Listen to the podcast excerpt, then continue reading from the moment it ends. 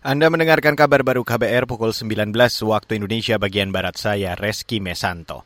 Saudara Presiden Joko Widodo kembali mengingatkan masyarakat pentingnya sertifikat sebagai bukti dan hak hukum atas tanah yang mereka miliki.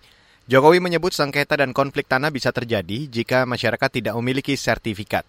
Itu disampaikan Jokowi saat menyerahkan 1,5 jutaan sertifikat tanah untuk rakyat secara daring dan luring hari ini. Sekarang Bapak Ibu pegang, ada orang datang, ini tanah saya bukan ini tanah saya. Ini sertifikatnya, pergi dia. Benar, karena tanda bukti hak hukum atas tanah sudah dipegang oleh Bapak Ibu semuanya. Dan konflik itu ada yang sampai 35 tahun, ada yang 15 tahun, ada 20 tahun, menghabiskan energi rakyat kita. Konflik antar tetangga, masyarakat dengan pemerintah, masyarakat dengan swasta, masyarakat dengan BUMN, banyak sekali.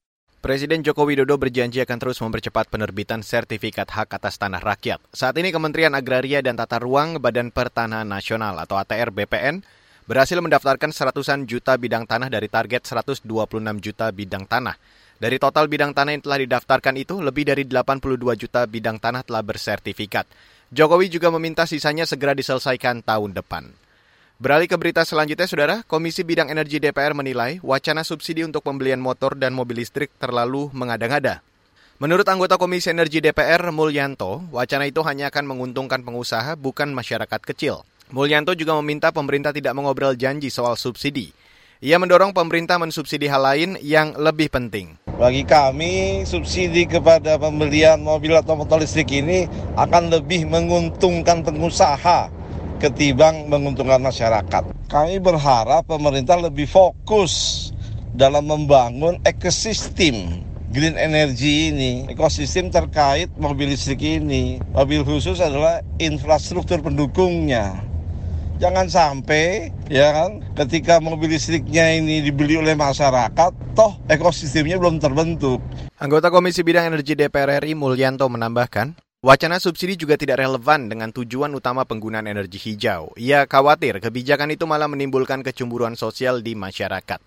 Sebelumnya, Menteri Koordinator Bidang Kemaritiman dan Investasi Luhut Binsar Panjaitan mengatakan, subsidi pembelian motor listrik akan diberikan mulai tahun depan. Adapun besaran subsidi itu mencapai 6,5 juta rupiah.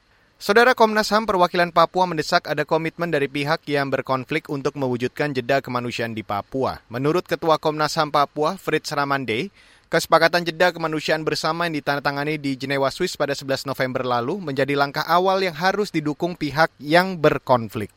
Iya, jadi itu poin-poin yang baru disepakati, diusulkan. Nah, kalau kita bicara ULWP sendiri, dalam ULWP itu kan ada sejumlah faksi-faksi di dalam ULWP. Faksi-faksi perjuangan pembebasan Papua itu kan banyak faksi.